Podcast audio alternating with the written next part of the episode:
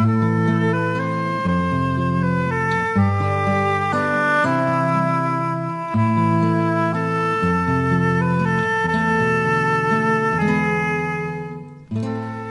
tyd op 'n Dinsdag aand is dit storietyd. Welkom weer eens by Kortom.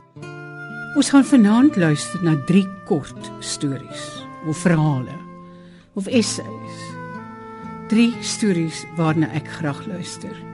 Dit kom uit Herman Lategan se boek Binnekring van spookasems. En wat 'n briljante titel is dit nie. Binnekring van spookasems. Dit is 'n Jonathan Ball publikasie. Die skrywer gaan dit self vir ons lees. Ons begin met 'n verhaal wat hy noem Wandelstraat.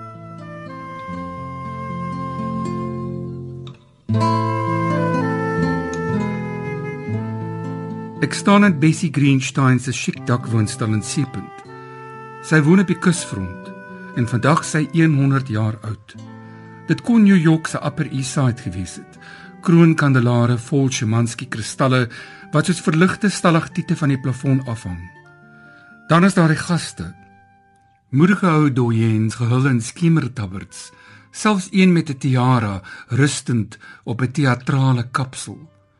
Sy hou 'n kosher snoepworsie op 'n peselstokkie in 'n fyn hand vas, een wat effens bewe. Die kop knik knik. Dis hier waar een van die bejaardes se versorgers, Clara Fortuin, vir my sommer so 'n eenkant storie vertel, maar een wat my bybly. Clara het tot onlangs gekyk na ene Fanny Sedilski wat al diep in haar 90's was toe sy oorlede is. Toe Fanny vinnig begin agteruitgaan, laat weet Clara haar dogter Shoshana in Sydney, dis tyd om te kom.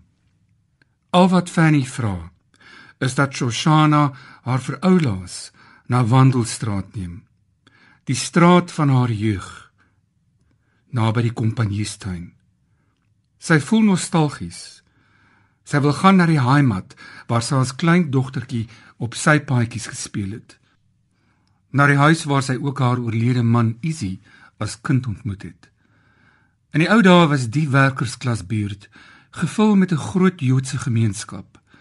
Dit het gestrek tot distrik 6 aan die een kant en Vredehoek aan die ander kant.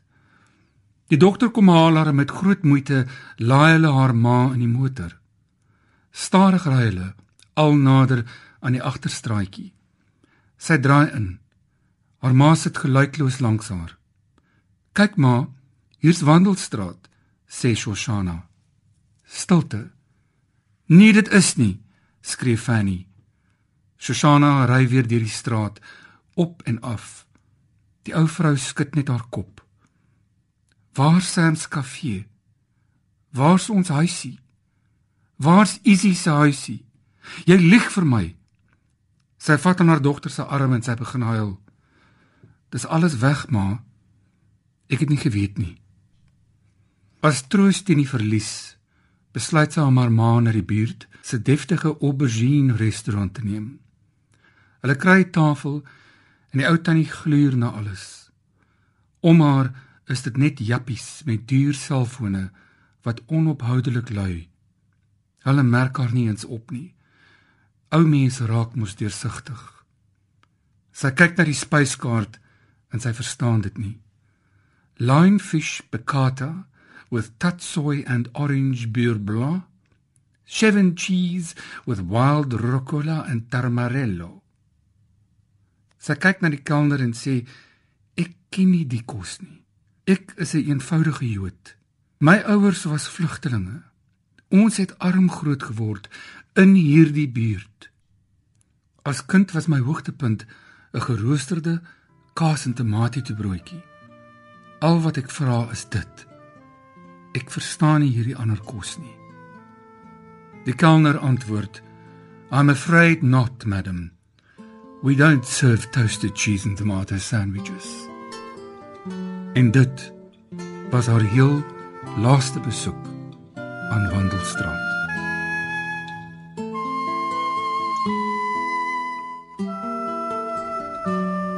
Dit was Wandelstraat van Herman Lategan. Fanny Sedulski se verhaal Nou, gaan ons luister na nog 'n ontheemde se verhaal, naamlik die van Lily Kammerman. Lily Kammerman sit kiets regop in haar seepunt woonstel. Haar gesig het amper geen plooie nie, maar haar bewolkte oë verraai haar. Helder pyn, antieke verlangens. Lily is van die laaste oorlewende Joodse vlugtelinge wat toentertyd in Suid-Afrika aangekom het. Sy word 90 hierdie jaar en woon al 50 jaar lank in dieselfde plek aan die sykant van 'n ou kuswoonstelblok. Teen die eetkamermuur is 'n groot wit en swart foto van haar oorlede man Solly, haar dogter, skoonseun, drie kleinkinders. Die woonstel is choopstil. En in die ryp klankloosheid het sy 'n storie oor 'n huis te vertel. Ons het in 'n dorpie in Letoue gewoon. Die naam was Laigumai. Dit was piepklein, ons het almal geken. Die antisemite het begin lol. Hulle klop hard aan deure. Skree op jou. Die reuk van die einde het aan ons begin kleef. In 1928 is my pa eerste weg Suid-Afrika toe. 'n Tante het hier gewoon. In 1931, toe dit reeds baie gevaarlik was, het ons een aand op 'n perdekar geklim in die donker. Ek, my ma, twee broers en die perd. My oupa en ouma het by ons gebly. Hulle was baie oud. Ons moes hulle agterlos.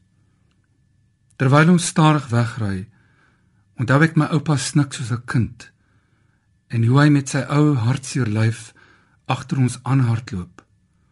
Ek het julle lief. So lief.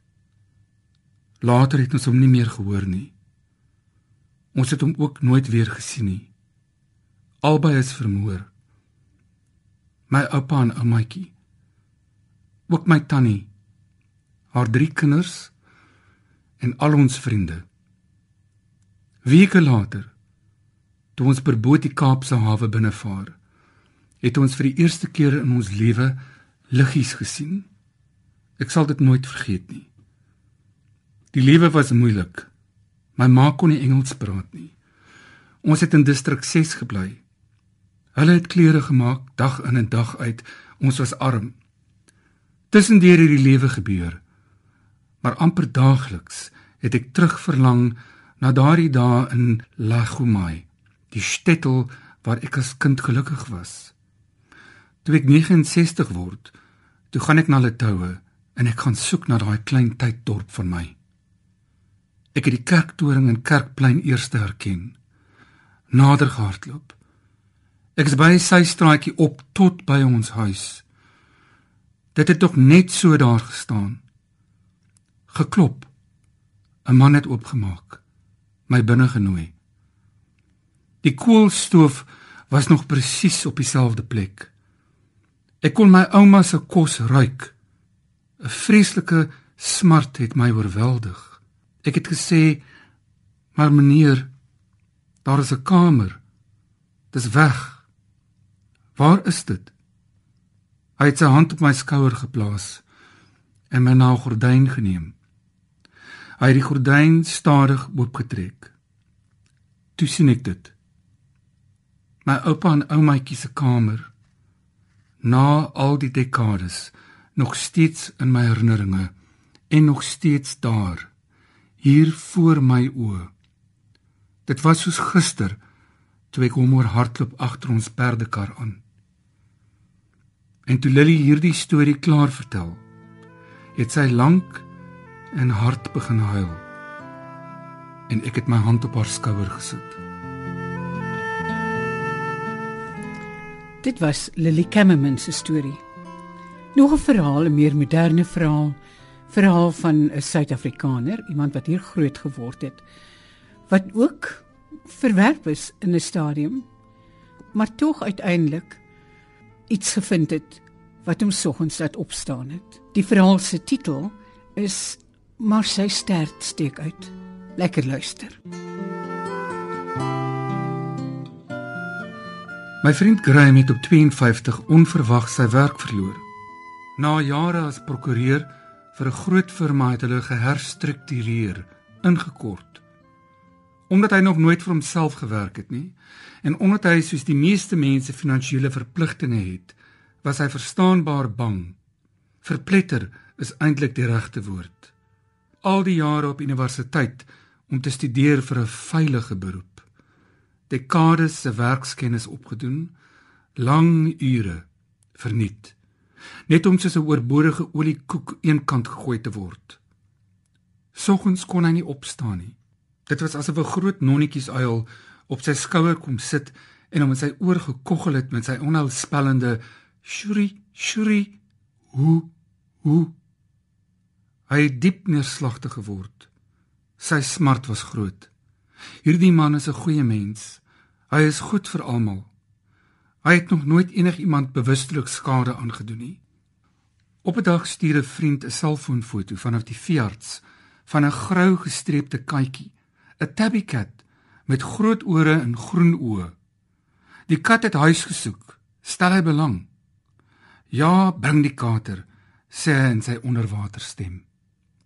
Die kat het eers in 'n hoek gaan wegkruip, in 'n agterkamer. Gesig wat loer van onder 'n stoel lyf gereeld opgekrul in 'n donsbol, bang. My vriend het 'n stuk garing gevat en met die kat begin speel. Hy het hom Bertie genoem. Later het Bertie op hom kom lê en sy oë gekyk en gespin. Ernest Hemingway het katte perfectories en love sponges genoem. Bertie uitgeknip. As my vriend uitgaan en later terugkom, wag die kat in die tuin soos 'n hond swaai sy stert. Grym het stadig uit sy môre skemering ontwaak. Sy dae was weer vol son. As hy die kat sien, dan glimlag hy. Hulle was onafskeidbaar die twee. Die kat is in my smart aan my gestuur, het hy gesê. Hy wat nie in sulke goed glo nie. Die man wat eenkant gegooi is, het soos 'n kind weer plesier uit die lewe begin put. Hy hardloop agter die gedierte aan in die tuin, dan kruip die katkamme agter 'n plant weg, maar sy stert steek uit. Hy gryp Bertie se stert. Dan hardloop die kat lag lag weg, net om in 'n boom op te klouter en dan van daar bo te koggel. My vriend het vryskutwerk begin kry. En as hy by sy rekenaar gewerk het, het Bertie soms op sy lers en op die toetsbord kom lê, die klein vaabond. Eendag Na 'n lang werksdag sit Graham in sy gemakstoel in die tuin, kyk na die sonsondergang. Dat so 'n klein bondel soveel heling kon bring, sê hy. Die motor het vinnig om die draai gekom toe Bert oor die pad hardloop. Hy het voor Graham oor hom gery. Later by die veearts is Bertie dood verklaar.